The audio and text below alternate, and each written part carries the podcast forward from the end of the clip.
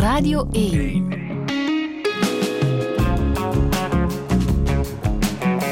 Douche. Met Friede Lesage. En met Lucas Dont. Goedemorgen. Goedemorgen. Hoe gaat het? Het gaat goed. Ehm, ik ben volop op, op rondtocht op dit moment. Dus ik heb het gevoel dat ik nooit echt lang op één plek ben. Want je bent op dit moment de meest besproken filmregisseur van, ik zal meteen al zeggen, Europa. Volop bezig met de, Oscar-campagne van jouw nieuwe film Close. Klopt. Waar ben je de voorbije tien dagen sinds uh, Filmfest Gent geweest? Want daar heb je de opener gehad, ja. hè? Wat ja, een klopt. bijzonder moment is natuurlijk. Ja, dat was echt een heel bijzonder moment voor ons. Um, ik heb natuurlijk een zeer persoonlijke band met het Filmfestival Gent. Ik ga daar al sinds ik puber ben. En op 18-jarige leeftijd zat ik daar zelfs in de jongerenjury. Uh, je hebt er ook gewerkt. Ik heb ook in de, in de cinema gewerkt. De cinema waar het uh, filmfestival plaats heeft. Ik heb daar vier jaar als jobstudent de popcorn van tussen de zetels geveegd en kaartjes verkocht. En we mochten toen wel, daardoor wel gratis naar de film. Dus dat was de... toen niet gedacht dat je daar ooit je eigen film zou presenteren? Ik droomde er al van. Maar of ik al dacht dat het zou mogelijk zijn, dat weet ik niet. Mm. Maar dus sinds Filmfest Gent heb je alweer een deel van de wereld gezien, hè? Ja, we zijn eigenlijk uh, dan vertrokken naar Los Angeles. Uh, een screening gehad in Los Angeles voor de Academy Voters, hè, dus -hmm. de Oscar-campagne zoals dat heet. Dan doorgegaan naar San Francisco. En dan van San Francisco naar Frankrijk, naar Lyon, Rennes, Strasbourg, uh, Lille, waar dat wij eigenlijk op dit moment allemaal avant-premières hebben gehouden met de film. Uh, de avant-premières die we eigenlijk nu komende week in België gaan doen. En straks uh, reis je door naar Amsterdam. Ja, straks reizen we door naar Amsterdam. Dus je bent eventjes thuis. Wat doe je dan als je zo eventjes thuis bent? Mijn lief zien. dat is, uh, dat is uh, wel even fijn om die te zien. Hè? Uh, en echt even volledig ehm, toch proberen die, die paar uren volledig te ontspannen. Meestal ook zwijgen. Omdat ik, we, we babbelen heel vaak en, en natuurlijk over de film. En dat doet mij ook altijd wel even goed om even terug naar in stilte te zijn. Zo. Um, en gewoon even helemaal thuis, uh, koffer uitladen, uh, terug inpakken, uh, bijna tegelijkertijd. En echt profiteren, ja. Profiteren van zo even een, een moment thuis. Ja, want hoe zou jij jezelf omschrijven? Wat voor iemand ben jij? Wat voor iemand ben ik? ik denk ambitieus. Ehm, ik denk daardoor ook best perfectionistisch. Ehm ik denk wel ook dat ik heel hard kan genieten van het leven. Zo, dus ik ben wel een levensgenieter, denk ik. Uh, ik geniet van schone dingen, van, van kunst, van, van goed eten. Um, van met mensen uh, dingen vieren die ik graag zie. Ik ben ook wel graag alleen.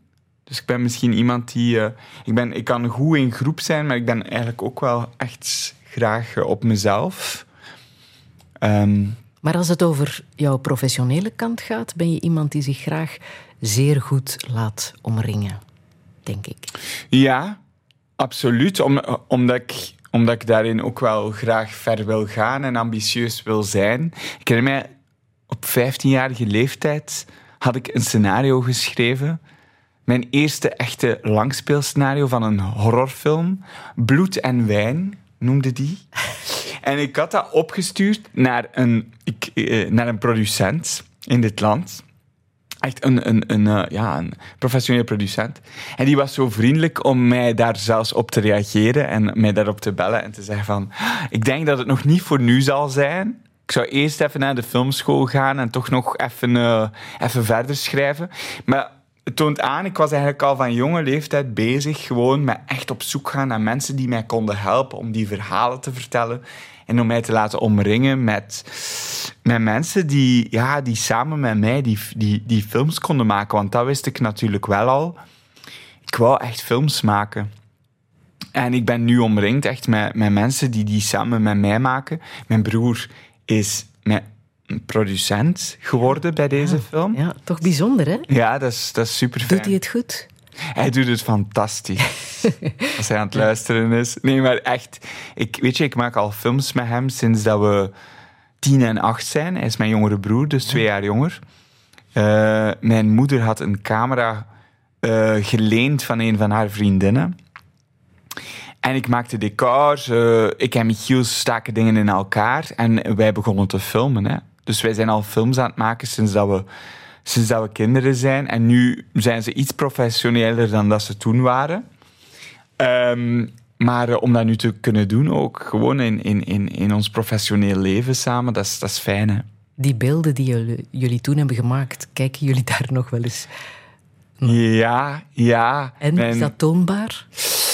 Veel mensen vragen ons dat, want ik voel dat daar wel interesse in bestaat, in die beelden. Mijn mama heeft die veilig opgeborgen. En ik sluit het niet uit dat we die ooit eens bovenhalen. Maar het zal voor een speciaal moment moeten ja. zijn. Lucas Dont, welkom in Touché. Shake your body, baby, do that conga. No, you can't control yourself any longer. Come on, shake your body, baby, do that conga. No, you can't control yourself any longer.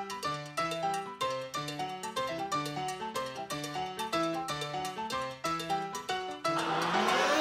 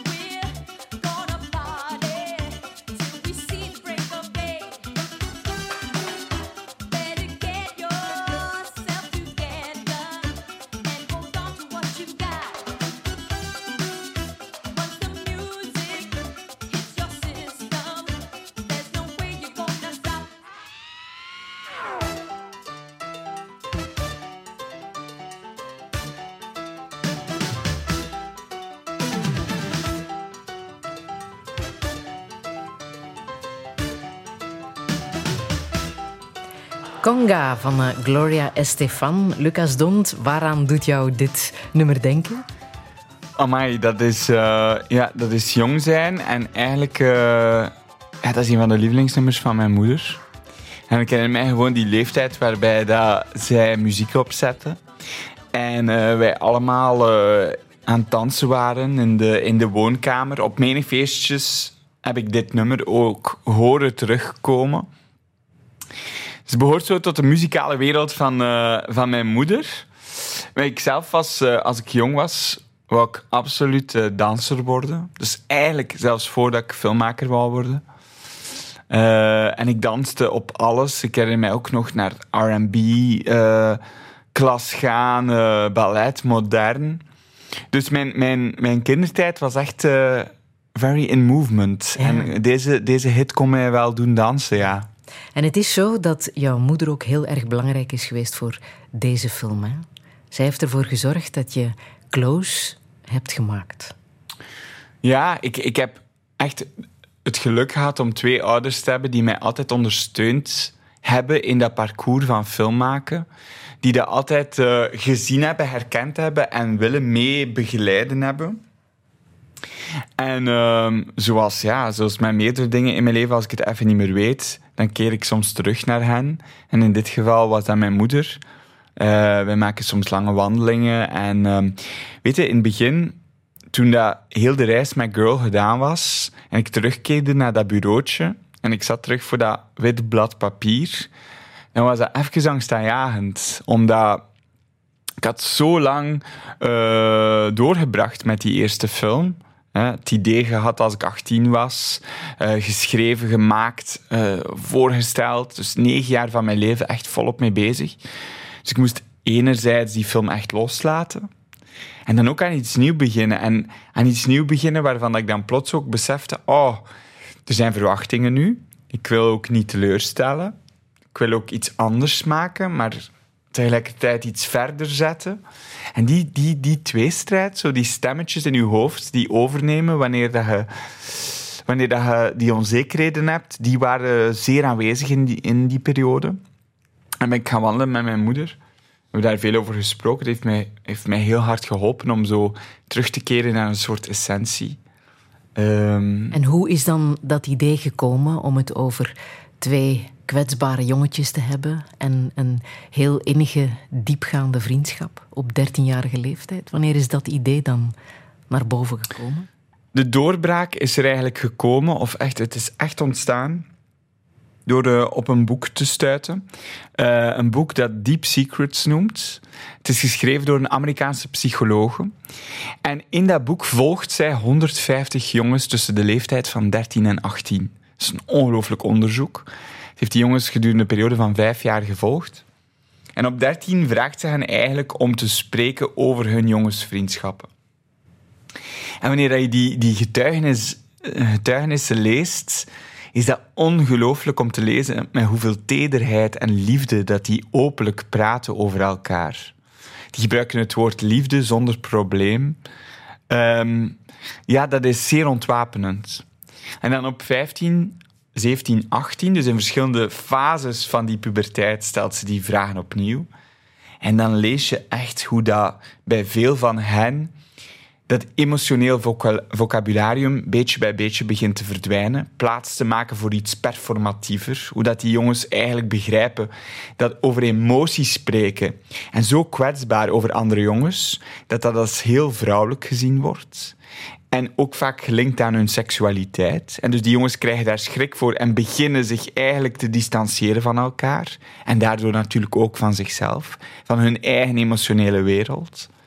En toen ik dat onderzoek gelezen heb, toen, toen klikte er iets in mij. Omdat ik zelf ben natuurlijk niet in die Amerikaanse context opgegroeid. Ik ben opgegroeid op het Vlaamse platteland. Um, maar ook ik heb op een jonge leeftijd, denk ik, in mijn vriendschappen bepaalde jongens op afstand gehouden, omdat ik begreep dat die intimiteit, die sensualiteit, dat daar al snel naar gekeken werd vanuit het label van een seksualiteit. En ik heb daar eigenlijk heel veel spijt van dat ik dat gedaan heb.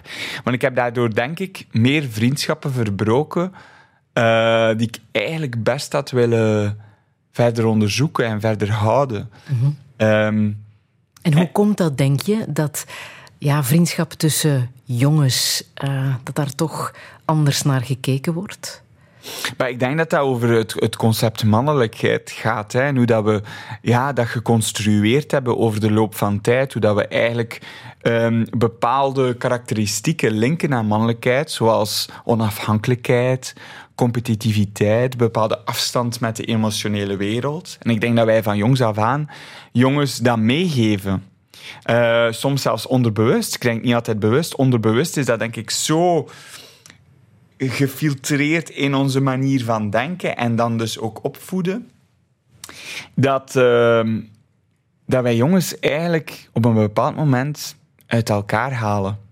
Denk ik. Ik denk dat in, in, in meisjesvriendschappen, dat die sensualiteit, die fysicaliteit, die emotie, dat we daar al veel meer eh, beelden van hebben gekregen over the course of time. Bij mannen blijft toch het, het, het courante beeld. Ik bedoel, als ik het nieuws opzet, dan zien we mannen die oorlogen uitvechten, die sterk taalgebruik gebruiken. Pas op, er is niets mis met mannelijkheid. Hè?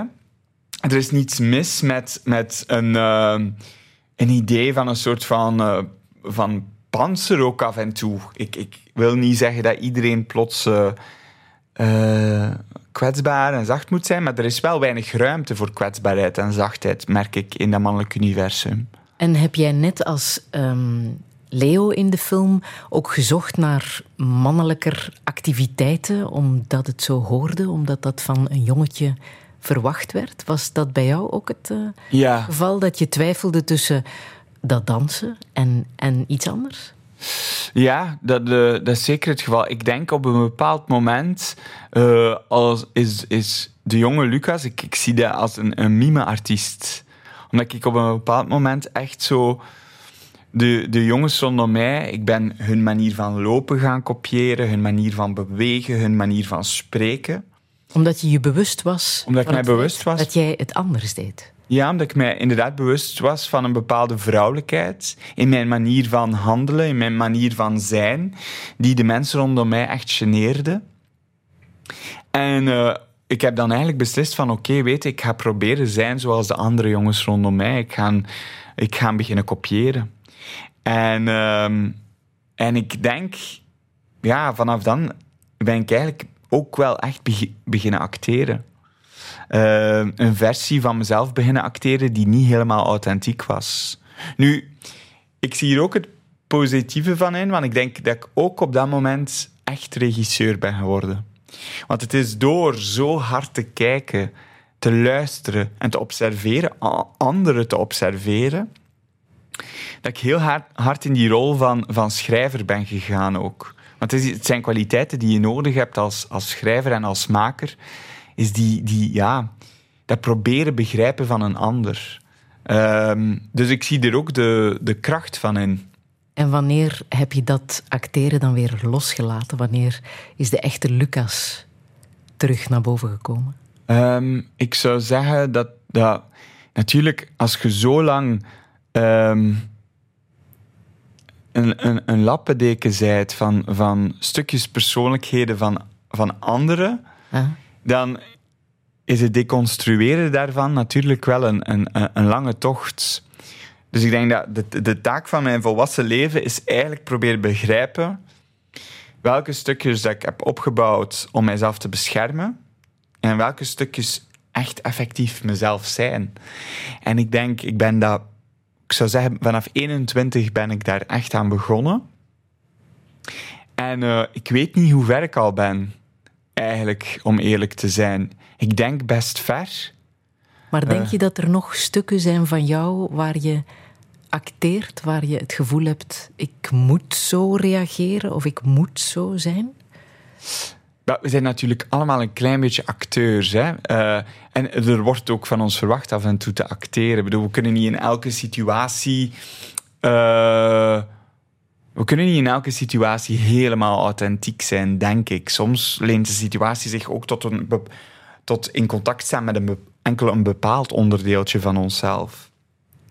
Ik denk wel dat, en zeker via onze films, dat we echt wel heel authentiek en kwetsbaar proberen communiceren over, um, over uh, een bepaalde identiteit. En dat dat toch wel heel dichtbij komt bij bij echt de diepste kern van, van mezelf.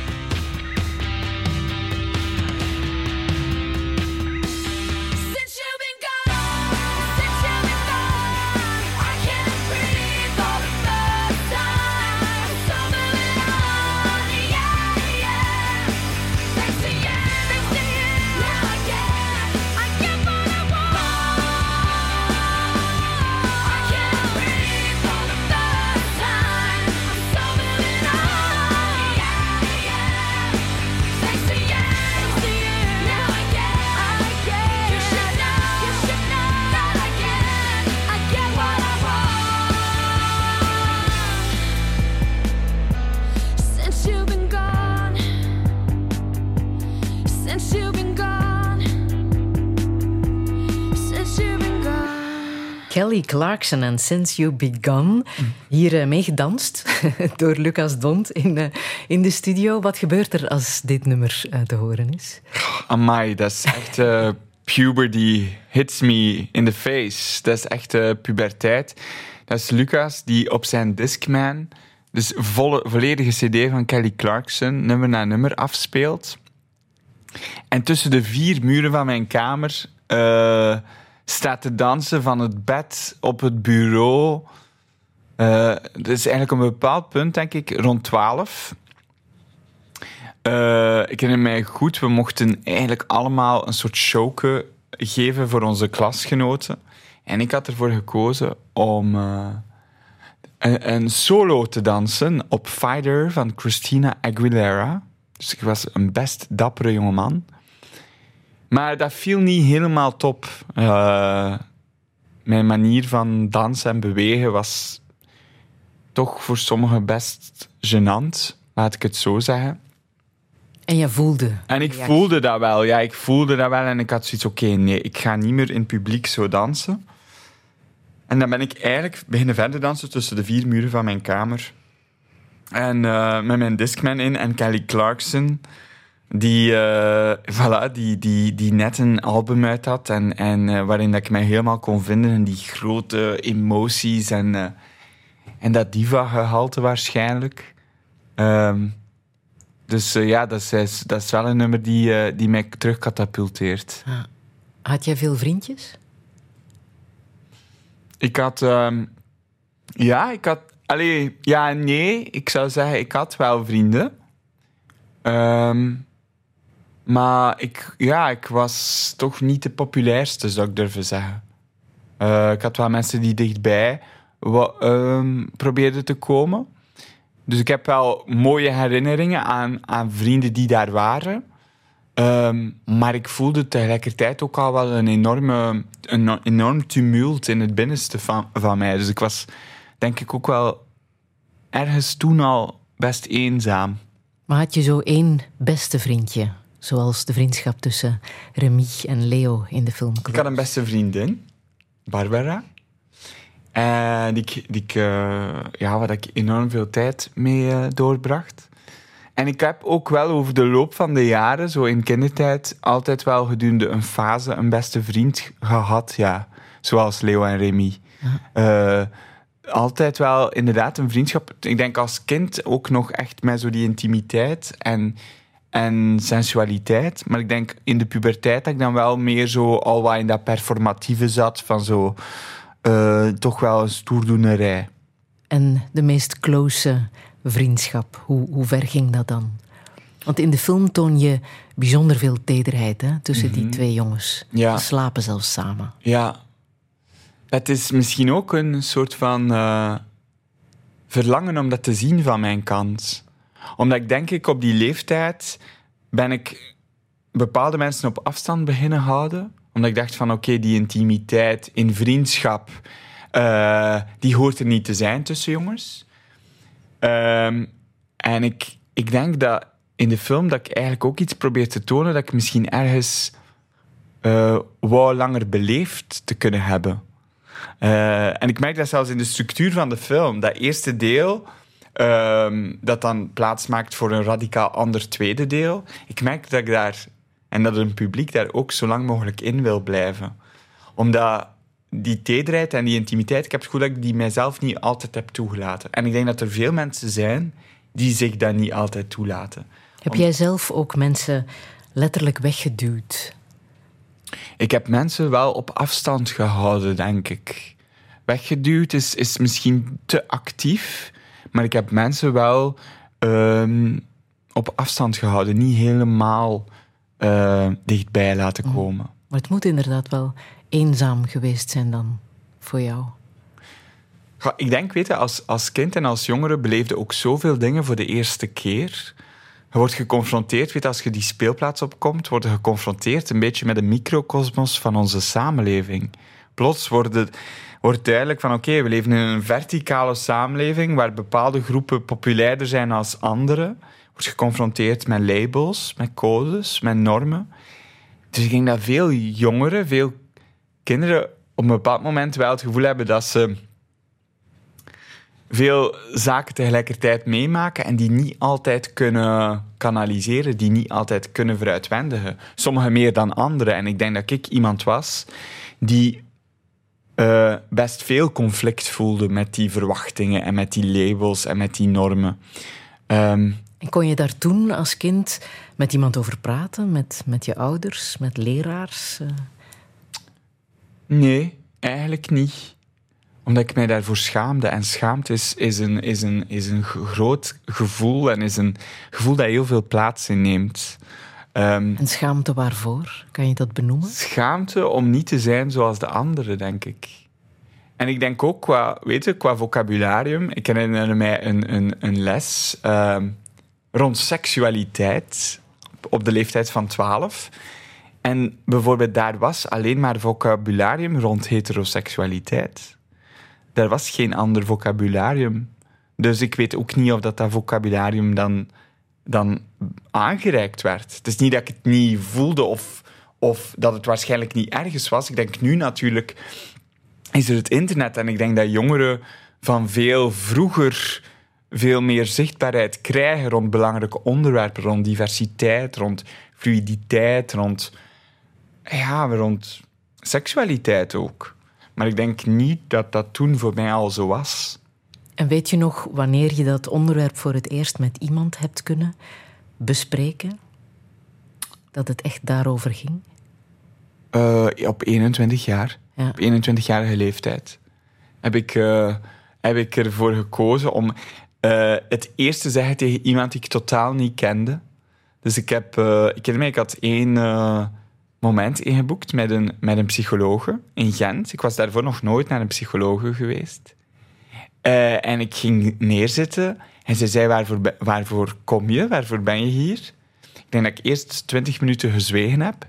En dan heb ik het uitgesproken. En het was de eerste keer in mijn leven dat ik het luidop had gezegd. Was Eh, het een bevrijding?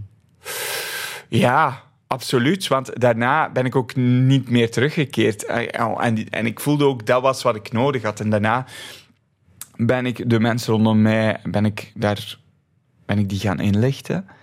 En, eh, en dan Dan inlichten over... Over mijn seksualiteit bijvoorbeeld, ja. En ik merkte dan ook snel van, amai, ja, waarom, waarom heeft dat zo lang geduurd? Omdat de mensen rondom mij daar ook wel heel open voor stonden en heel goed op reageerden. En, maar ja, ik denk wanneer dat een gevoel zich soms opbouwt van binnen en, en, en daar begint te bewegen en er zich begint te nestelen, is het soms moeilijk om daar los van te komen.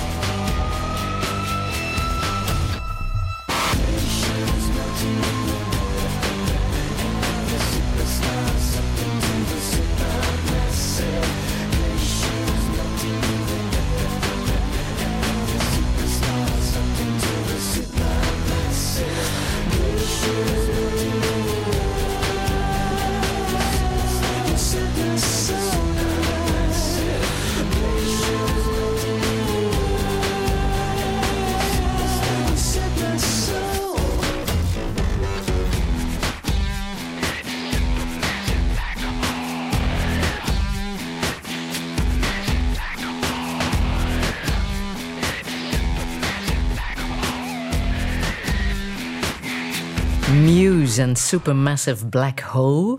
Lucas Dont, ehm, toen was jij 17? Toen was ik 17. Hier was... eh, Ja, voilà, volgende fase van de puberteit. Ik had, Ja? ik had de divas eventjes achter mij gelaten. En ik was volop in zo eh, Muse, Placebo. Toch wel zo... Ja, wat meer ook rock and roll eh, op aan het zoeken. Zo wat meer... eh, ja, wat meer die bands. Eh, ik had ook mijn eerste iPod, herinner ik mij nu plots. Dat was een U2 edition in het zwart en in het rood. En eh, ja, Muse was echt zo mijn, eh, mijn ding op dat moment. Ik zat op Sint-Bavo, eh, katholieke school in Gent. Dus ik was eigenlijk dagelijks in, het, in het groen gekleed. En ik nam de bus van Zwalm naar Gent. Dat was een uur de bus heen, een uur de bus terug. Dus ik had veel tijd om naar muziek te luisteren. dus ik heb het album van Muse verslonden op, eh, op eh, die busritten. En wist jij toen al wat je wou worden na de middelbare school? Absoluut. Het was voor mij zeer duidelijk. Ik, ik moest en ik zou filmmaker worden. En dat cadeau dat je toen hebt gekregen, een soort stage in, eh, in Ja, Amerika, in New York. Klopt. Mijn papa, die, ja, die eigenlijk ook eh, altijd van jongs af aan wel die filmdroom heeft mee zien, zien bestaan. En die zelf een eh, heel, heel hard eh, Amerikaanse filmfan is. Hè. Een van zijn lievelingsfilms is Witness met Harrison Ford. Fantastische film ook trouwens. Die, ehm, die had gezegd, weten, als, het, als de middelbare school gedaan is, krijg jij als cadeau van mij, van mij een stage in Amerika. En dat was eigenlijk drie weken in, in L.A., eh, waarbij dat je eigenlijk op, in de Universal Studios met allemaal coaches, allemaal mensen uit de, filmindustrie, mocht je eigenlijk daar ehm, een kort film maken onder hun begeleiding. En ik ben dan eigenlijk op 18-jarige leeftijd alleen eh, naar L.A. gegaan. En het was eigenlijk ook de eerste keer dat ik echt loskwam van eh, mijn, mijn dagelijkse omgeving. Dat ik echt alleen in een wereldstad was. Eh, dus naast die stage zelf, die natuurlijk wel best interessant was, maar ook ludiek, eh, heb ik daar vooral op persoonlijk vlak heel veel aan gehad. Ja? Op Ja. welke manier dan? Maar even zo, na al die jaren Gent en na al die jaren zo, ja, wel ook echt, eh, waarover dat we net spraken in die performance, zo even ergens anders zijn, waar niemand u kent, waarbij dat plots alles mogelijk is, Waar je Eh, een beetje opnieuw kan beginnen. waar je een beetje opnieuw kon beginnen. En we waren ook met veel jongeren hè, in die stage. Dus ik leerde daar ook al snel, want als je alleen bent, dan leer je natuurlijk snel mensen kennen. Ik leerde daar ook al snel mensen kennen die ik leuk vond. Eh, we zaten ook allemaal bij elkaar op kleine appartementjes. En het was voor mij even wel een bevrijding eh, om daar te zijn. En om ook eindelijk echt op set te kunnen staan. Hè, er waren, waren sets gebouwd voor westernfilms. En, en we draaiden op 16 mm. Dus we hadden allemaal oude pelliculecamera's. En dan waren er acteurs waar we mee mochten werken. En dus de, de, de jongensdroom die ik had gehad. Hè, want mijn, mijn, mijn cinemadroom is begonnen met, met echt Amerikaanse films.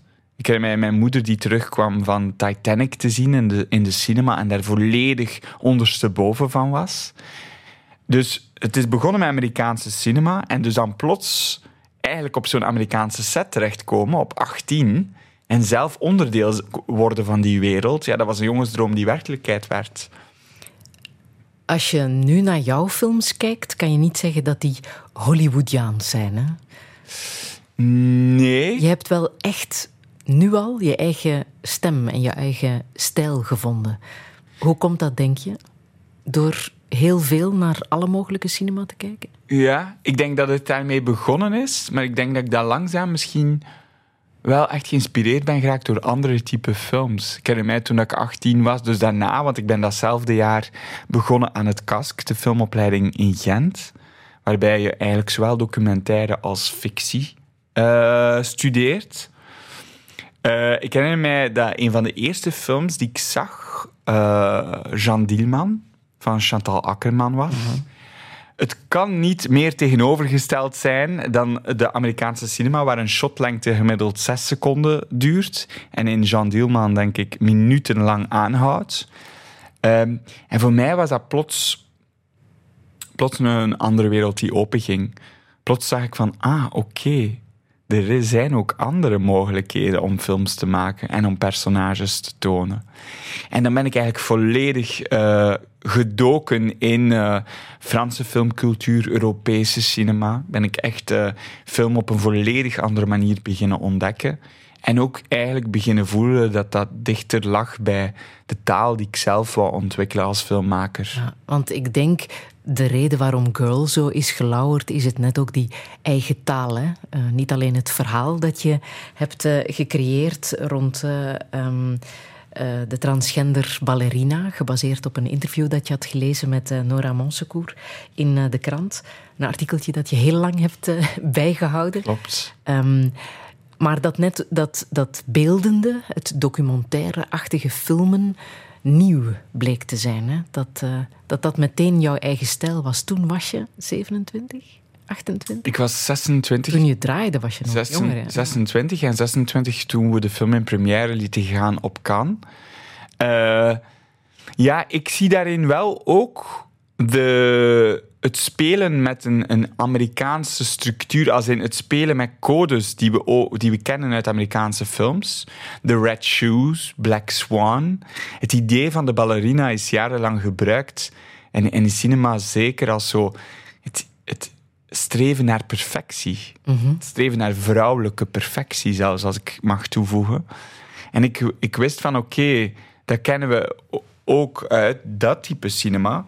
En dat wil ik nu gaan herformuleren, gaan transformeren naar een taal die, die, die past in het universum wat we willen creëren. Dus ik refereer ernaar zonder het, zonder het te volgen, denk ik. Ik denk wat mij op het kask, waar ik heel hard in geïnteresseerd ben geraakt, is door documentaire te filmen en door die authenticiteit te beleven van met, met mensen zijn en voelen van wat een schoonheid dat er ook ligt in die, in die authenticiteit van documentaire. Documentaire is uiteindelijk ook wel altijd een, gecreëerd, natuurlijk, geschreven. Maar ik heb eigenlijk veel geleerd over hoe ik fictie wou maken door korte documentaires te maken. En ik denk dat op de, in de manier dat wij nu fictie maken, is dat we toch ook altijd die documentaire invloed opzoeken. Waarbij we wel de dingen esthetisch benaderen, waarbij dat we wel echt een fictieset blijven, maar toch ook soms als een documentaire team aan het werk zijn. Uh, proberen ook om verrassing en vrijheid te injecteren in, uh, in het werken met acteurs. Girl is overdonderd door prijzen. En dat begon al in Cannes, hè, met uh, de, de, vele prijzen die je daar hebt gekregen en een kwartier lang staande ovatie. Je moet wel wat doen natuurlijk als je daar je debuutfilm gaat presenteren. Um, maar tegelijkertijd was het ook heel erg moeilijk, denk ik, om in landen waar transgender, de transgender situatie nog niet zo aanvaard was. Um, die kritiek heb je ook gekregen, hè? Het, het, het kan niet dat uh, iemand als uh, Victor, mm -hmm. die geen transgender is, zo'n rol speelt. Het kan niet dat een, een regisseur zoals Lucas Dont zo'n film maakt. De kritiek kwam ja. uit de transgendergemeenschap. Ik denk, we leven in een samenleving die, die er elkaar wel op wil wijzen dat we, dat we allemaal anders zijn. Uh, en ik denk wat, dat we, wat dat we met die film heel hard hebben geprobeerd, is om een film te maken waarin dat we zeggen, of proberen aangeven van, we zijn eigenlijk niet allemaal zo anders. Want voor ons gaat die film eigenlijk centraal over de relatie met het lichaam. En dat, dat is, iets, dat is een, een relatie die centraal staat in al onze levens. Voor mij gaat die film ook over de puberteit. Al onze ieders puberteit, niet enkel de specifieke transgender puberteit. En ik denk dat als ik naar de film kijk en als ik de film beschrijf, beschrijf ik hem meer vanuit die universele richting waarbij dat we via dat heel concrete verhaal proberen vertellen hebben van kijk eens, dit personage is finaal niet zo anders. Ehm, en je merkt gewoon dat er wel mensen zijn die altijd op dat anders zijn willen wijzen. Nu, dialoog is voor mij heel belangrijk. Ik denk, wij maken, wij maken stukken, wij maken films om over te praten. Eh, waarin we proberen geen conclusies aangeven, geen antwoorden, maar waarin we proberen vragen te stellen. Dus de dialoog rond een film niet omarmen, dat zou ook niet, ja, dat zou ook niet fijn zijn van, vanuit onze kant, want dat is exact wat we proberen te doen. Dus ik, ik heb heel veel geleerd, ik heb heel veel begrepen uh, vanuit verschillende perspectieven en standpunten. We kijken uiteindelijk allemaal anders naar een film. Vanuit onze eigen achtergrond, met wat, allemaal, wat we allemaal al hebben meegemaakt. Um, en dat is gewoon super verrijkend geweest om uh, in al die verschillende landen uh, die film te gaan tonen en al die verschillende meningen uh, te verzamelen, mm -hmm. eigenlijk. Mm -hmm. En die hebben ons ook gevoed voor de volgende film. Die hebben ons ook gevoed om, om verder te gaan, om een stap verder te nemen met, met Close. Ik ga al onze volgende plaat laten horen, want die begint heel stil. Maar ik laat je ook nog deze vraag. Hoe stond jij als puber voor de spiegel? Wat zag jij? Hoe keek jij naar jouw lichaam? Ja, dat is... Uh, ik, had een, ik, had een, um, ik had een ingewikkelde relatie met mijn lichaam. Ik denk, ik was ook een emotionele eter. Dus ik, ik, uh, als ik emoties beleefde, dan, dan taalde dat zich bij mij in, in echt wel eten. Um, dus zeker toen ik dan in de puberteit ging en dat je ook wel ja, begint verlangens te voelen en ook wel lichamelijk meer je lichaam ontwikkelt zich, merkte ik dat, dat die relatie soms wel, uh, soms wel complex was, ja. En nog altijd trouwens. En ik denk, maar ik denk eigenlijk dat dat voor veel mensen zo is. Het lichaam, weten, dus we zien ons lichaam dagelijks in de spiegel, worden dagelijks geconfronteerd met ons lichaam, maar ook met een samenleving waarin dat er echt wel ideaalbeelden rond het lichaam constant uh, onze richting uitgestuurd worden. Um, en wat doen we als ons lichaam niet, daar niet helemaal aan beantwoordt? Ik denk dat we dan best kritisch kunnen zijn voor onszelf. En daar gaat Girl natuurlijk over.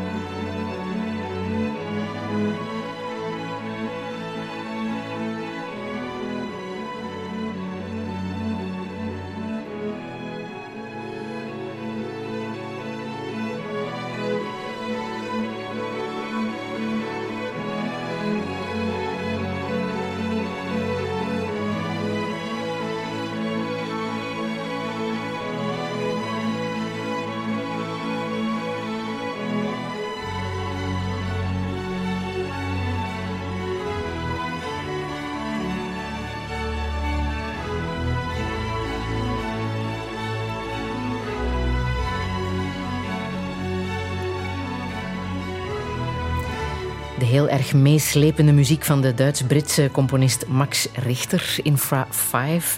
Lucas Dont, het is eh, muziek waar jij op schrijft? Ja, dit is mijn schrijfmuziek. Eh, voor mij is muziek heel belangrijk tijdens het schrijven. Het is vaak wat mij volledig kan transporteren naar, naar, naar mijn verbeelding. Ehm, ik luister ook heel vaak muziek op de trein. En ik was naar Max Richter aan het luisteren toen ik Eden, de hoofdrol in Close, voor de Ah, eerste keer gezien heb op een trein. Ehm, het is muziek die ik ook gebruik in de montage trouwens. Nog voordat de muziek eh, klaar is. Want Valentin Hadjadj, onze componist, die werkt natuurlijk ook op de beelden. Gebruiken wij Max Richter tijdens, eh, tijdens de montage. Dus het is ook een nummer dat op een versie van Close heeft gestaan die jullie nooit zullen zien. Ik wil jou nog iets anders laten horen. Dat eh, ja, betekenis heeft in, in jouw leven. Goed luisteren.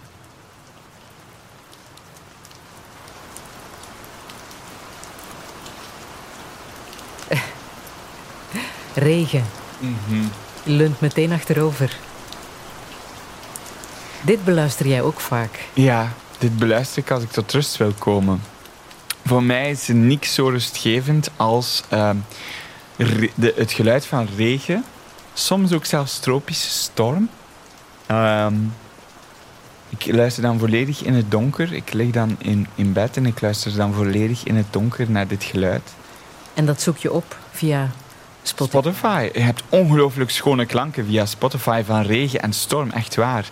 Ik kan het jullie allemaal aanraden. Voor, mij heeft dat een enorm rustgevend effect. Om, eh, om die geluidswereld te creëren. En om dan tegelijkertijd binnen te zijn en volledig te proberen. Het moeilijke aan schrijven is dat doordat ik hele dagen aan, mij aan het, aan het inbeelden ben of aan het proberen de limieten van mijn verbeelding verder en verder en verder te duwen, is dat daar niet echt een uitknop voor bestaat. Dus als ik, als ik dan wil gaan slapen, eh, de wereld van de droom is natuurlijk ook een wereld van verbeelding. En ik, ik moet daar ergens een soort breekpunt creëren waarbij dat ik uit die, dat schrijfproces probeer te gaan en gewoon kalm probeer te gaan slapen. En dan helpt dat geluid van die regen wel heel hard voor mij. Mhm. Wat doe je om even weg te zijn uit die filmwereld? Zijn er dingen die jij doet die daar niks mee te maken hebben? Ehm, ja, ik, eh, ik ga heel graag gaan eten. Ik kan ook heel hard genieten van eten, van mensen die met passie eten maken. Eh, ik dans heel graag op feestjes. Mhm. Dus daar kan ik heel hard van genieten. Ehm, ja, ik denk wel dat ik, pro- ik, denk wel dat ik probeer eh, dingen met vrienden te doen. Natuurlijk, het hangt ervan af. Als het moeilijk is aan, aan, aan dat schrijven, dat ik daarnet zei, is dat het blijft ook altijd wel ergens in het achterhoofd sluimeren, omdat ja, je wilt, je wilt die personages die blijven bij u gedurende een jaar en een half, gedurende de twee jaar. En soms komen die, zelfs als je u aan het ontspannen bent, soms zijn die daar zonder dat je dat kunt tegenhouden natuurlijk. Ehm, en komt er een scène net op een moment dat je, dat je iets, iets aan het doen bent met vrienden en plots is die, biedt die scène zich aan. En dus ehm, ja, dat is, dat is ook, ik heb nog maar twee films geschreven natuurlijk, dus ik ben ook nog aan het leren over hoe dat misschien nog net iets beter te compar- compartimentaliseren. Mhm.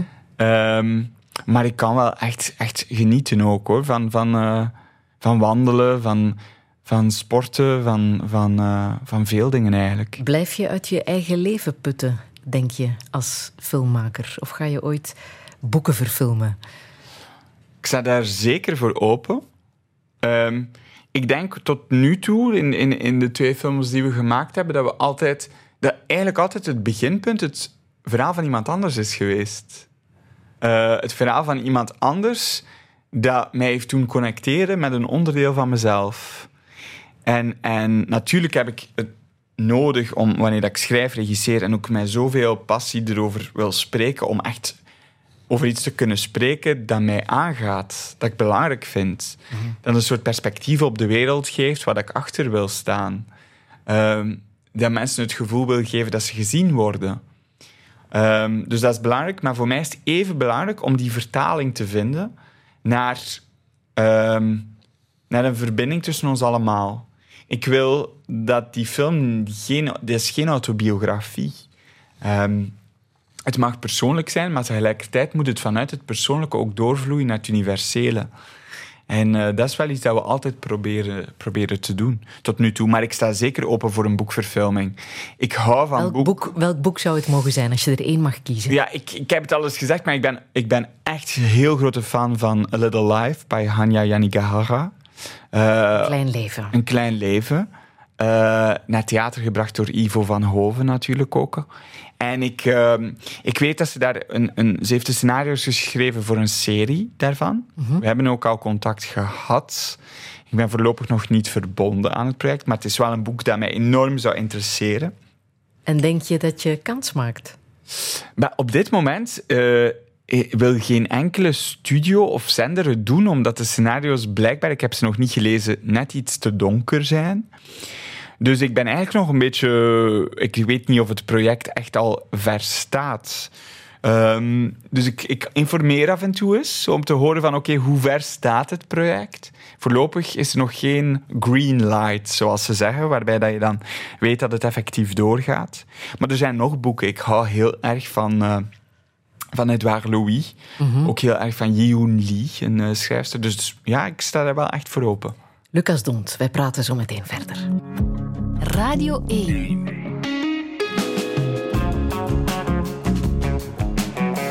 Douche. Met Friede Lesage. Touché met filmmaker Lucas Dont. Als kind wou hij danser worden, maar de reactie van zijn leeftijdsgenootjes zorgde ervoor dat hij een andere weg insloeg. Nu vertelt hij zijn verhalen via het medium film.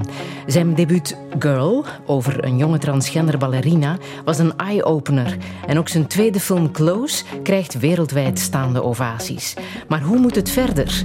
Welke invloed heeft de heteronorm op de ontwikkeling van een tiener? Moeten mannen hun vrouwelijkheid meer toelaten? En wat als hij een Oscar wint? Dit is Touché met Lucas Dont. Een goede middag. Iedereen in positie.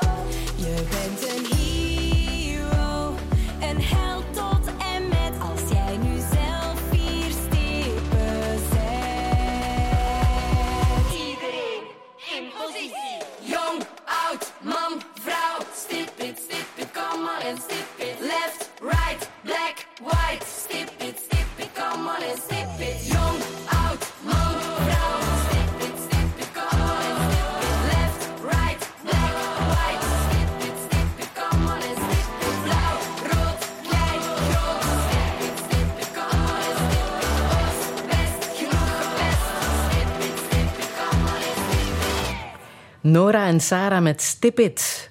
Het eh, nummer van Move tegen Pesten was dat, hè, van eh Catnet.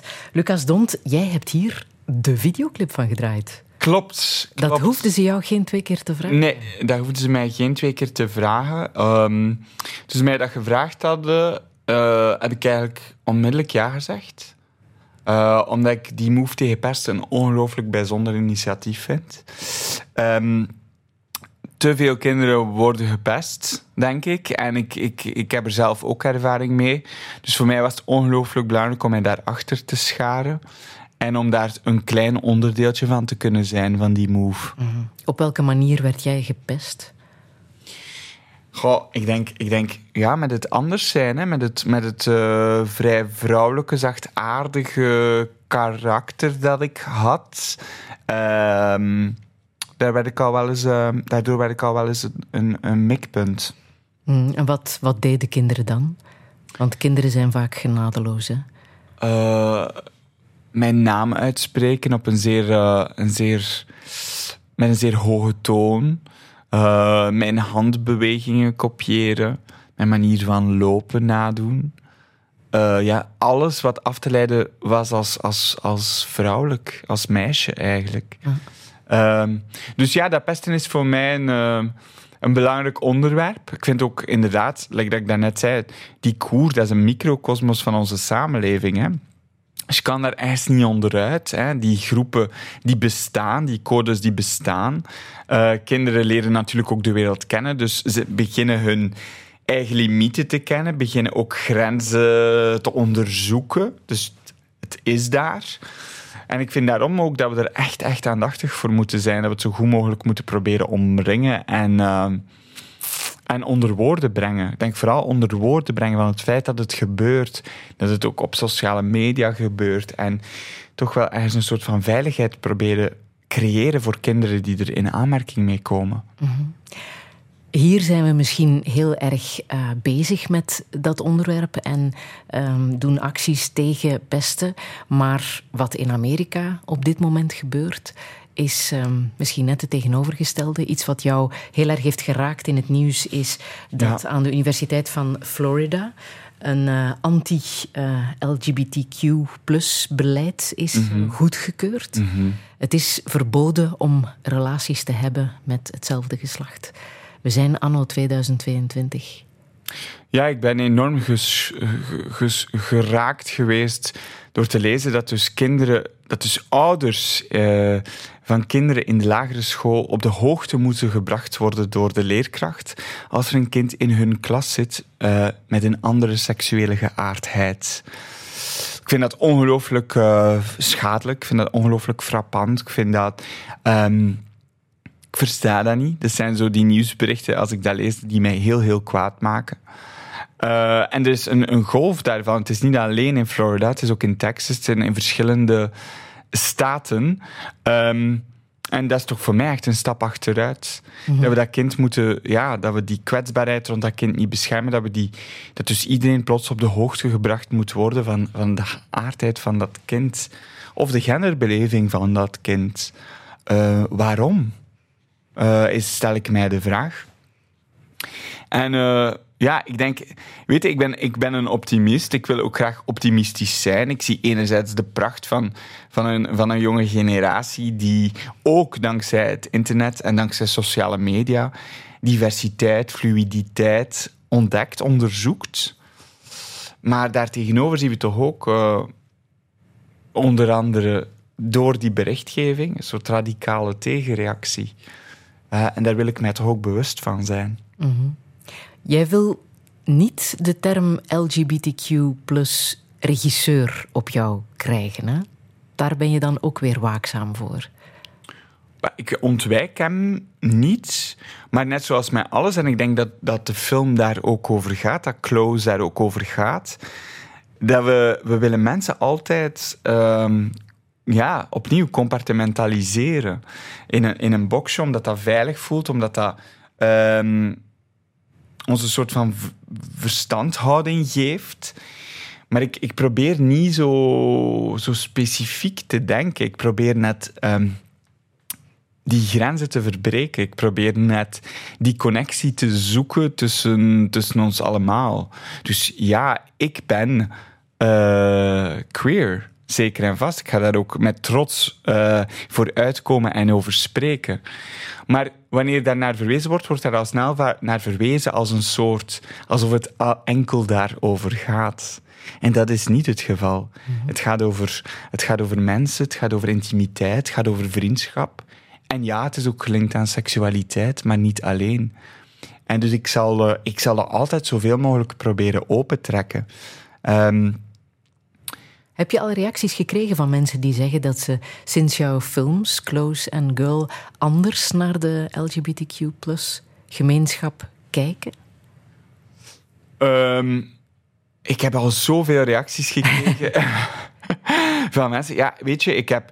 Ik, en, en de eerste, ik herinner mij bijvoorbeeld in, eh, in Amerika, een van de eerste screenings, een, een, een, een transmeisje van 16 die naar mij komt, die mij vastpakt zonder woorden, direct. Ik herinner mij een man van 80 in Frankrijk die naar mij komt en zegt van, "Ah, ik heb voor de eerste keer iets gezien waarvan ik, dat ik het voel, begrijp. Een, een, een, een, iets wat ik daarvoor niet begreep. Dus je krijgt dat wel, die reacties.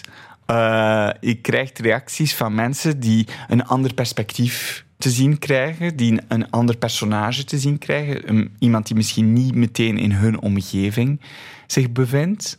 Maar die zich plots ook verwant voelen met dat personage. Want dat is wat wij proberen doen, is net te tonen van... Kijk eens, die, die relatie met het lichaam, die complexe relatie met het lichaam bijvoorbeeld, je ervaart die ook op 80 als man. Want je lichaam verandert ook en er is ook ehm, iets wat complexer wordt.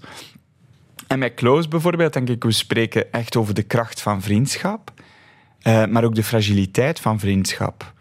Tussen twee jongens, maar ik denk iedereen, voor iedereen staat die relatie, staat die vriendschapsrelatie centraal en iedereen herkent zich in een vriend die plots van richting verandert. En dat is de schoonheid.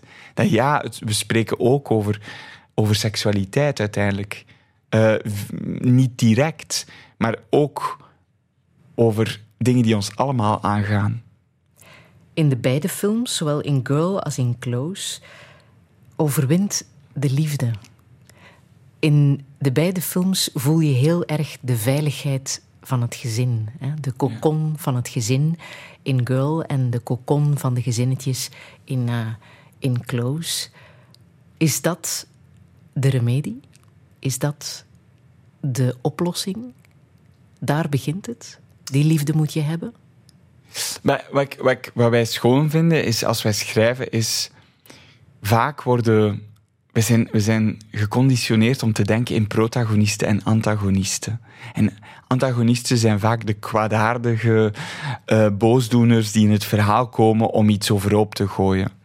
En in Coming of Age is dat al wel eens de ouder. Is de ouder al wel eens eh, de bron van conflict. En eigenlijk hebben wij daar weinig zin in. Wij hebben zin om genereus te zijn, ook naar ouders. Naar mensen die zoeken, naar mensen die misschien niet altijd vocabularium zijn aangereikt. En zo die zachtaardigheid, niet alleen naar onze hoofdpersonages, maar ook naar de personages daar rond, voor ons is die heel belangrijk. Wij, wij maken geen films eigenlijk over helden. Ook al worden ze onze helden, voor ons, schrijvers. Maar het zijn mensen die ook, de hoofdpersonages in deze films, maken beslissingen die niet heroïs te noemen zijn. Gaan, eh, ja, zijn, zijn flawed, zijn mensen met, met gebreken, zoals ons allemaal. Maar het is wel zo dat wij in die films liefde een centrale rol willen geven. Eh, eerst en vooral vanuit ons schrijvers naar, naar iedereen die we op beeld willen brengen. Maar ook om, om de mensen die in die cinema zitten en kijken, om die toch uiteindelijk wel ook met een soort gevoel van, van hoop ehm, uit de zaal te laten gaan. Ook al snijden de, snijden de films het, het onderwerp van geweld aan. Ik denk dat liefde toch. dat we dat altijd met liefde proberen tegenkleuren. Want ga je ook films maken ooit waar ehm, ja, de genderverschillen bijkomstig zijn? Waar het daar niet meer over gaat? Denk je dat we ooit in zo'n wereld gaan komen? Eh, ik denk dat ik maak films. Eerst dacht ik in het allerbegin dacht ik, ik ga films maken ehm, als escapisme. Films die, die entertainen en die je doen vluchten even in, in entertainment. Ja, Want- wou een de- detective eh, politie... Detective Titanic. Weet je, de, de, de Vlaamse. Titanic. We vinden wel iets. Ja. Ehm, en dan eigenlijk door ook als puber films te ontdekken waarin dat ik mijzelf herkende. eh, of net niet. Mijzelf net niet genoeg herkende. ehm, ben ik eigenlijk beginnen verstaan, nu, dat in die eerste fase van het maken, dat ik ook films maak om dat perspectief onder, woord, onder beelden te brengen. Om, om de camera lichtjes van richting te veranderen en daardoor net te filmen wat, wat offscreen was, meestal.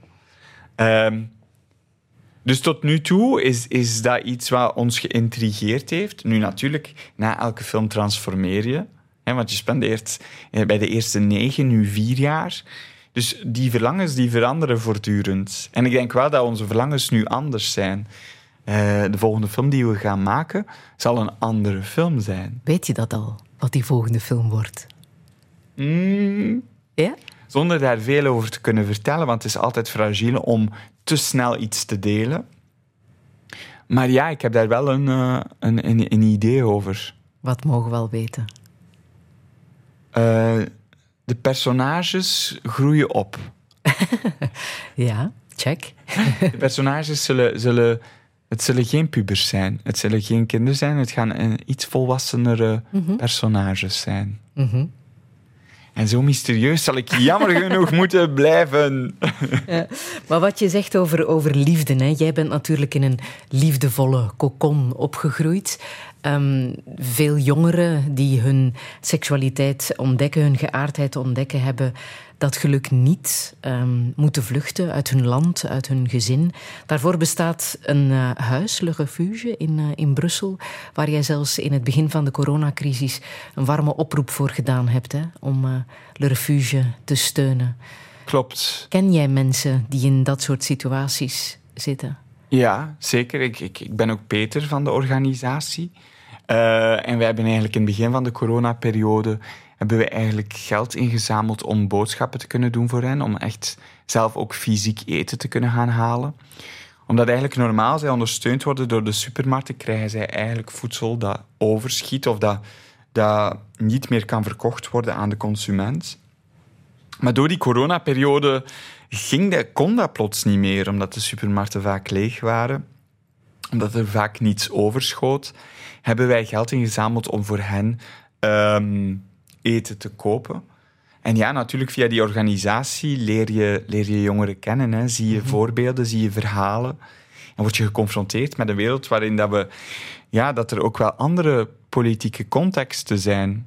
Kijk maar naar Tsjetsjenië. Eh, kijk naar de anti-LGBT-zones in Polen.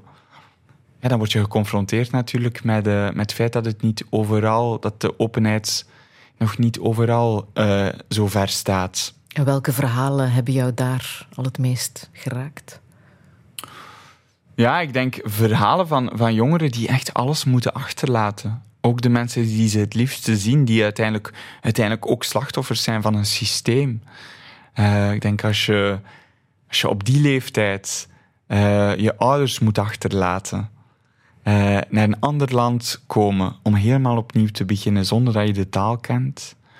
Wauw, dat is. eh allee, dat raakt mij tot in eh, het diepste van mijn eh, kern.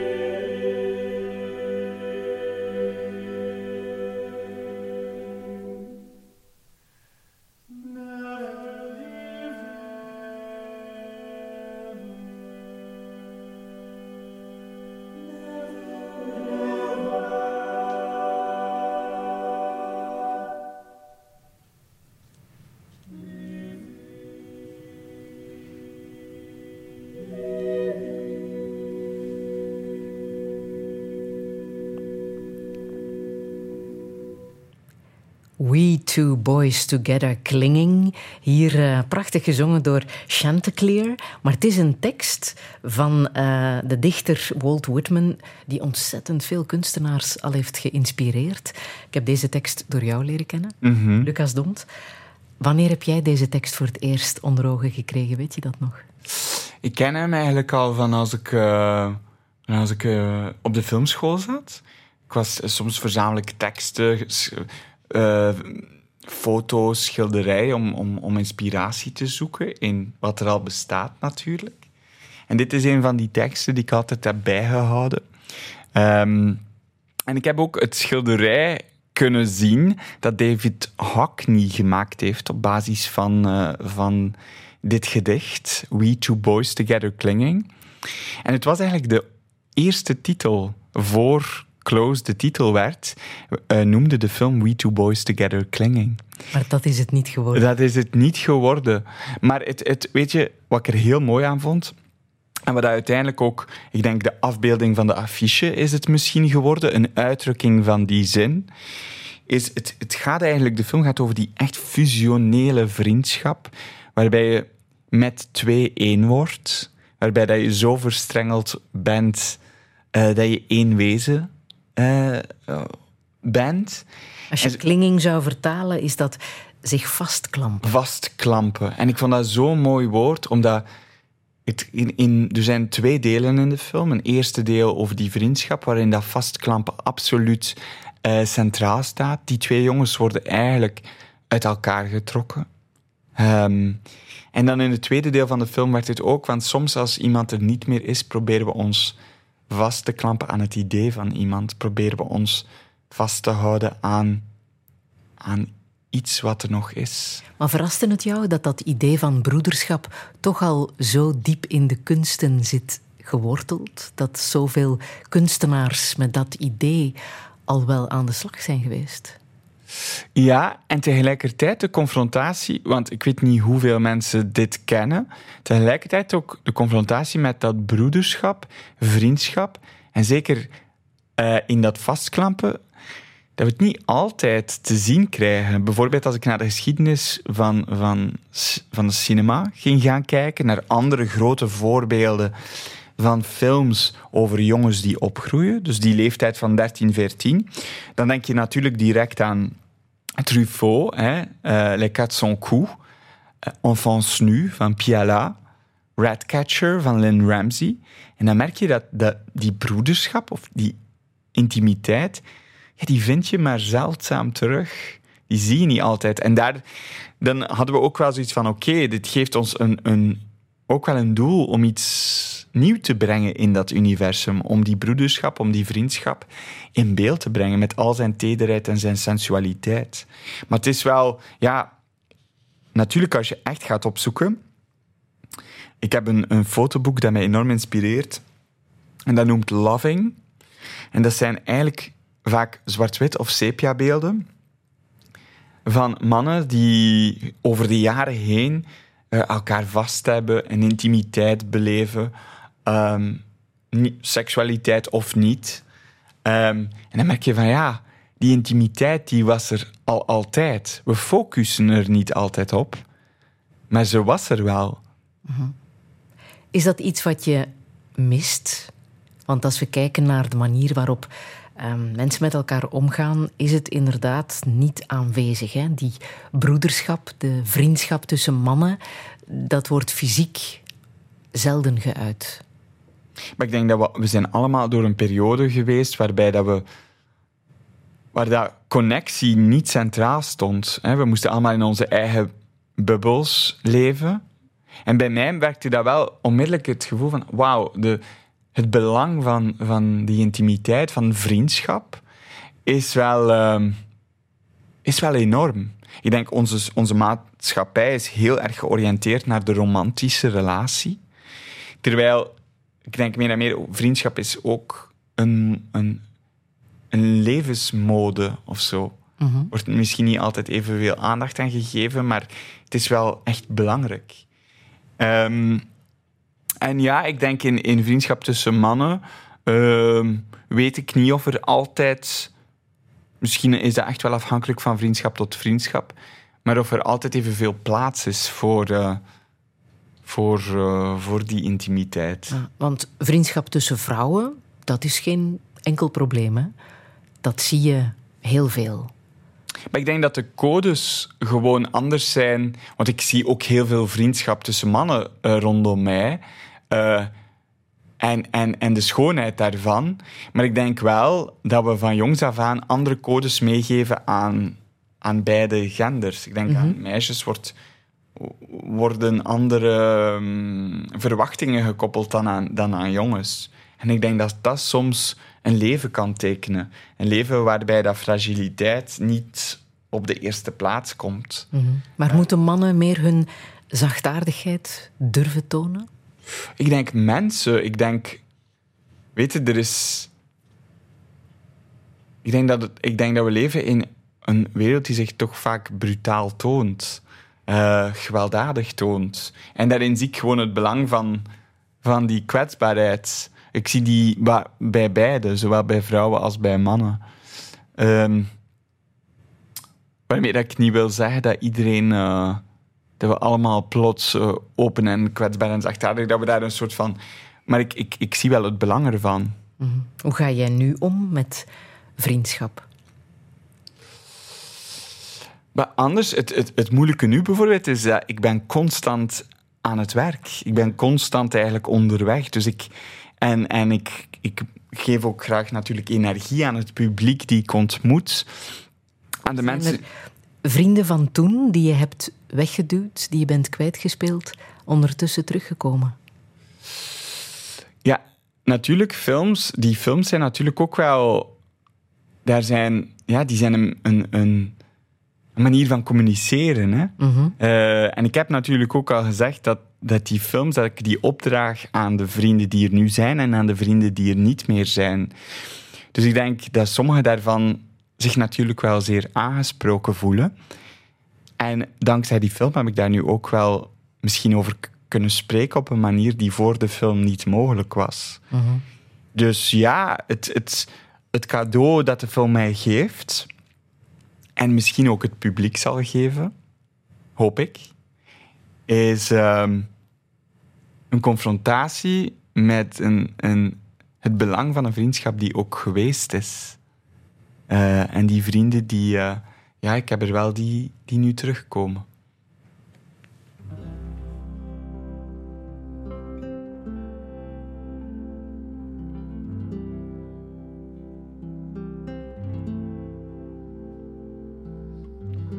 Tomorrow, and yesterday too. The flowers are dying like all things do. Follow me close, I'm going to Berlin, Ali. I'll lose my mind if you don't come with me. I fuss with my hair and I fight blood feuds. I contain multitudes. Got a telltale heart like Mr. Poe. Got skeletons in the walls of people you know. I'll drink to the truth and the things we said. I'll drink to the man that shares your bed. I paint landscapes and I paint nudes. I contain multitudes. A red Cadillac and a black mustache. Rings on my fingers that sparkle and flash. Tell me what's next. What shall we do? Half my soul, baby, belongs to you. Well, I can I frolic with all the young dudes? I contain a multitudes. I'm just like Aunt Frank, like Indiana Jones, and them British bad boys, the Rolling Stones. I go right to the edge I go right to the end. I go right where all things lost are made good again. I sing the songs of experience like William Blake. I've no apologies to make. Everything's flowing all at the same time. I live on a boulevard of crime. I drive fast cars and I eat fast foods. I contain multitudes. Pink pedal pushers, red blue jeans, all the pretty maids and all the old queens, all the old queens from all my past lives. I carry four pistols and two large knives. I'm a man of contradictions. I'm a man of many moods. I contain multitudes. You greedy old wolf, I'll show you my heart, but not all of it. All of the hateful parts. I'll sell you down the river. I put a price on your head. What more can I tell you? I sleep with life and death in the same bed. Get lost, madam. Get up off my knee. Keep your mouth away from me. I'll keep the path open, the path in my mind. I see to it that there's no love left behind. I play Beethoven sonatas, Chopin's preludes. I contain multitudes. Bob Dylan met het kwetsbare I Contain Multitudes. Eh, Lucas Dont, je had dit nummer doorgegeven. Wist je dat die titel ook van Walt Whitman is? Nee, dat wist ik niet. Onwaarschijnlijk. Dat is onwaarschijnlijk. Walt is, is, is belangrijk voor ons. Ja, blijkbaar. Voel ik. Ja. maar dit, dit lied, eh, I Contain Multitudes, wat betekent dit voor jou? Ik, eh, ik ken het via eh, mijn co-scenarist Angelo Thijsses. En met wie ik ondertussen twee films heb geschreven, Girl and Close. eh, wat een ongelooflijk fijne samenwerking is. Ehm, die daarnaast ook dramaturg is voor een theatergezelschap. Ontroerend goed. Ehm, en het is eigenlijk een filosofie van te denken over onze personages. I contain multitudes. Om niet te...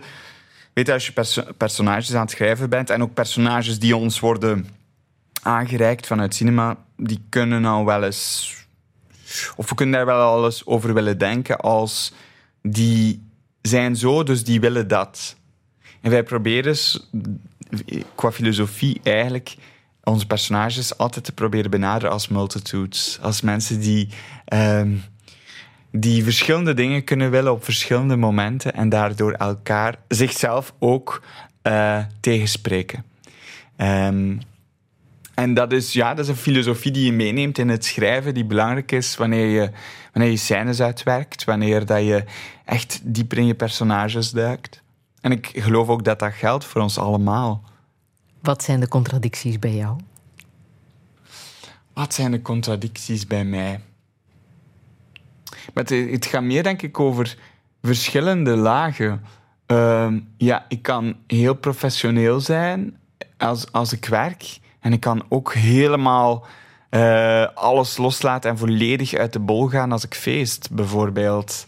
Ehm, ik kan eh, perfectionistisch zijn in, in mijn professioneel leven en tegelijkertijd heel chaotisch eh, als het gaat over mijn persoonlijke planning.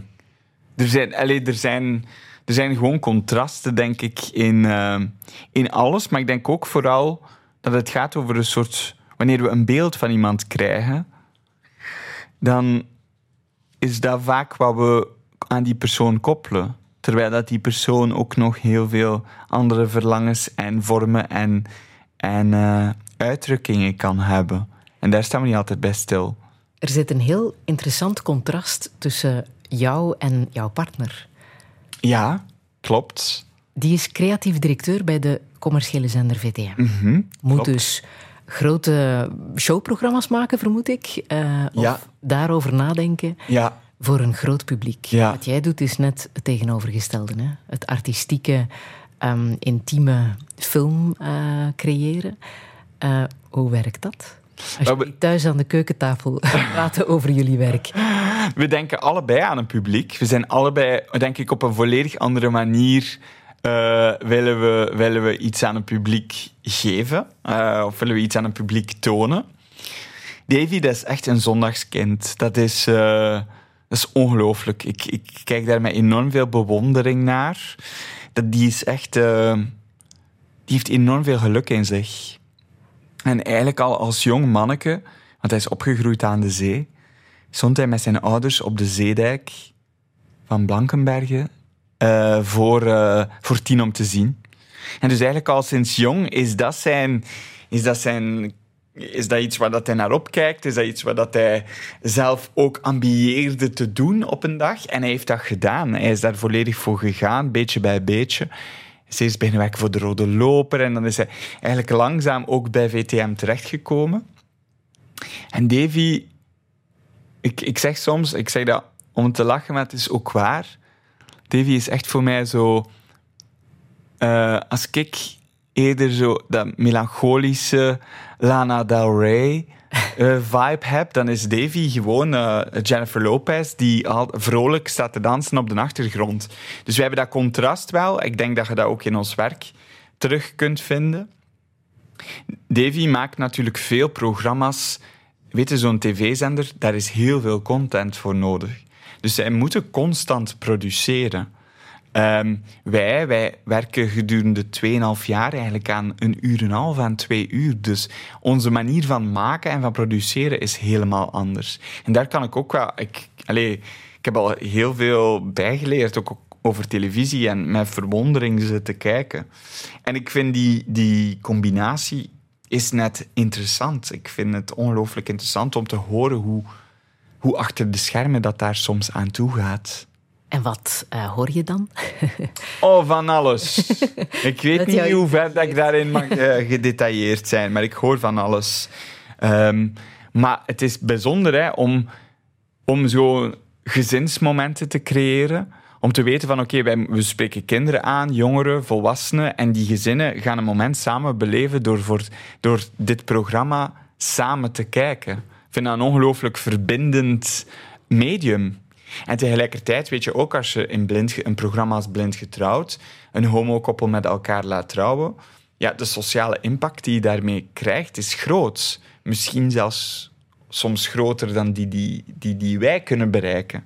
Dus ik denk, we doen, we doen andere dingen en tegelijkertijd ehm, zijn er ook wel gelijkaardigheden. Welke andere stappen heeft hij dan nog ondernomen? Eh, is dat zijn idee om een homokoppel in blind getrouwd? Bij, zij werken, voeren? ze werken met een, met een groot team natuurlijk. Hè. En ik denk dat ze... Ze hebben veel collega's die eh, allemaal op zoek zijn naar... Oké, van hoe kunnen we deze programma's zo kwalitatief mogelijk maken en hoe kunnen we ervoor zorgen ehm, dat we daarin ook dingen voorstellen, dat we het publiek ook dingen aanreiken. Maar ik denk wel dat dat belangrijk was voor hem, ja. waarin zijn jullie goed samen? Wat kunnen jullie goed samen? lachen. ik vind hem ongelooflijk grappig. Ehm, hij is ook ongelooflijk lief. Ehm, en ik bewonder dat wel. Zo die, die zonder enige verwachtingen liefheid. Ik vind dat een zeer bewonderenswaardige kwaliteit. Ehm, dus ik vind, dat, ik vind Davy echt een definitie van kwetsbaarheid. Misschien nog meer dan mezelf, eigenlijk. Ehm, maar wij kunnen heel goed op restaurant gaan. Dat doen wij zeer graag. Wij kunnen heel goed eh, genieten ehm, van, eh, van er tussenuit te gaan. Ehm, ja, genieten kunnen wij wel. De liefde, wat is dat? Goh, de liefde, wat is dat?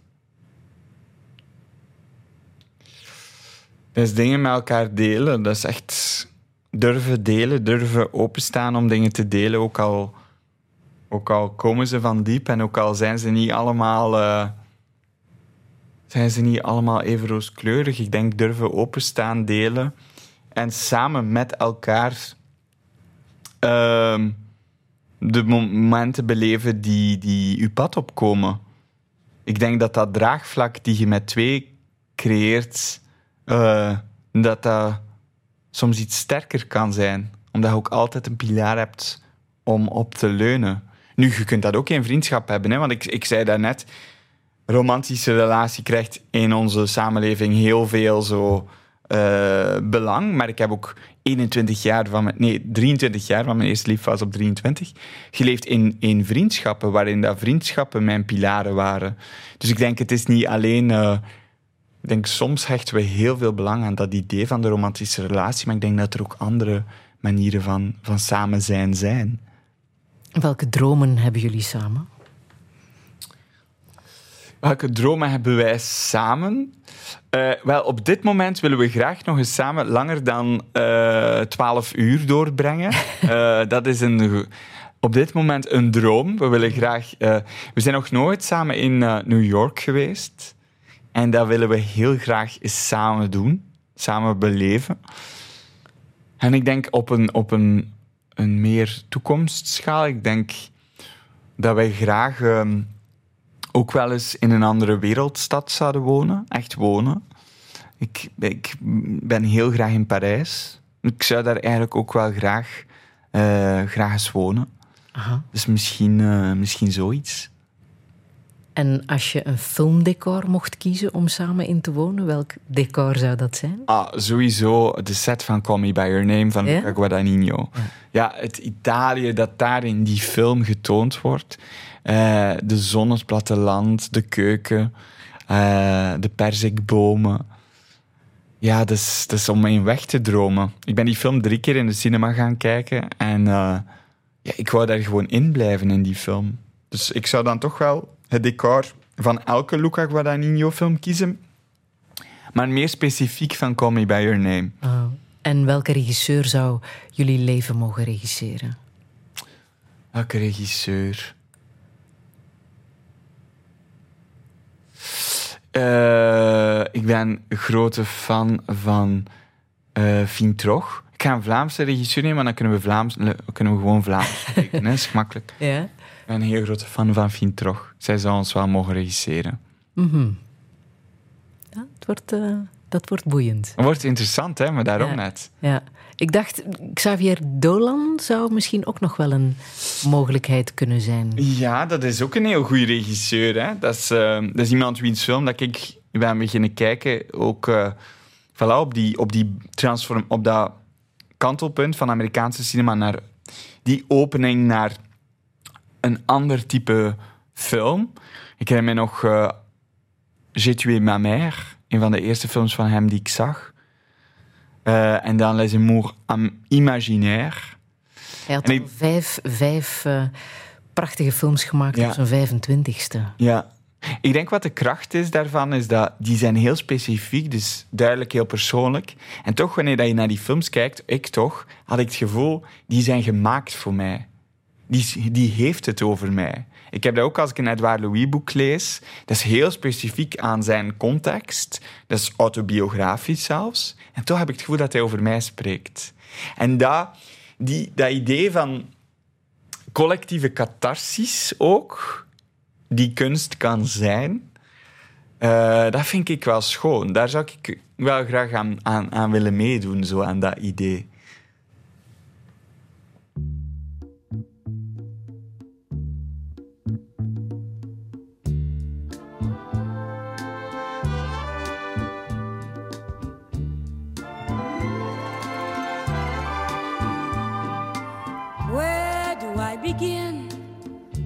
Tell the story of how great love can be? The sweet love story that is older than the sea. The simple truth about the love he brings to me. Where do I start? Like a summer rain that cools the pavement with a patent leather shine. He came into my life and made the living fine and gave a meaning to this empty world of mine.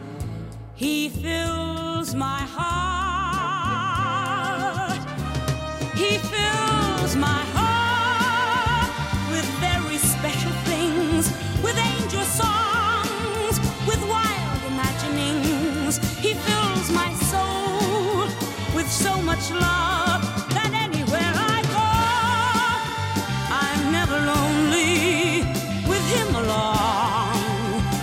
could be lonely? I reach for his hand, it's always there. How long does it last? Can love be measured by the hours in a day? I have no answers now, but this much I can say. I'm going to need him till the stars all burn away. And he'll be there. He fills my heart with very special things, with angel songs, with wild imaginings. He fills my soul with so much love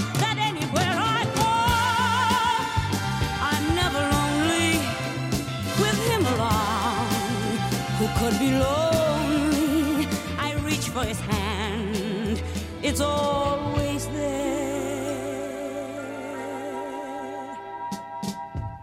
How long does it last? Can love be measured by the hours in a day? I have no answers now, but this much I can say. I'm going to need him till the stars all burn away.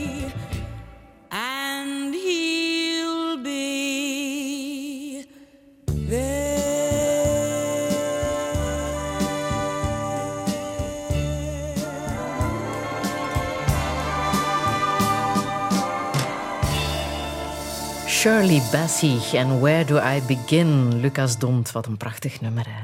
Ja, één van mijn lievelingsnummers. Absoluut. Ik vind het een prachtig, prachtig nummer. Shirley Bassey eh, is zo iemand die ik opzet als ik echt thuis kan zijn. En zo een avond eh, thuis kan doorbrengen, dan is zij zeker, zeker van de partij. Where do I begin? I love it. Lucas, je bent 31. Hè? Mhm. Je verjaart in Cannes. Ik- Toch al twee keer, hè? Je bent toch al twee keer verjaard in Cannes. Ik, verja- ik verjaar in juni.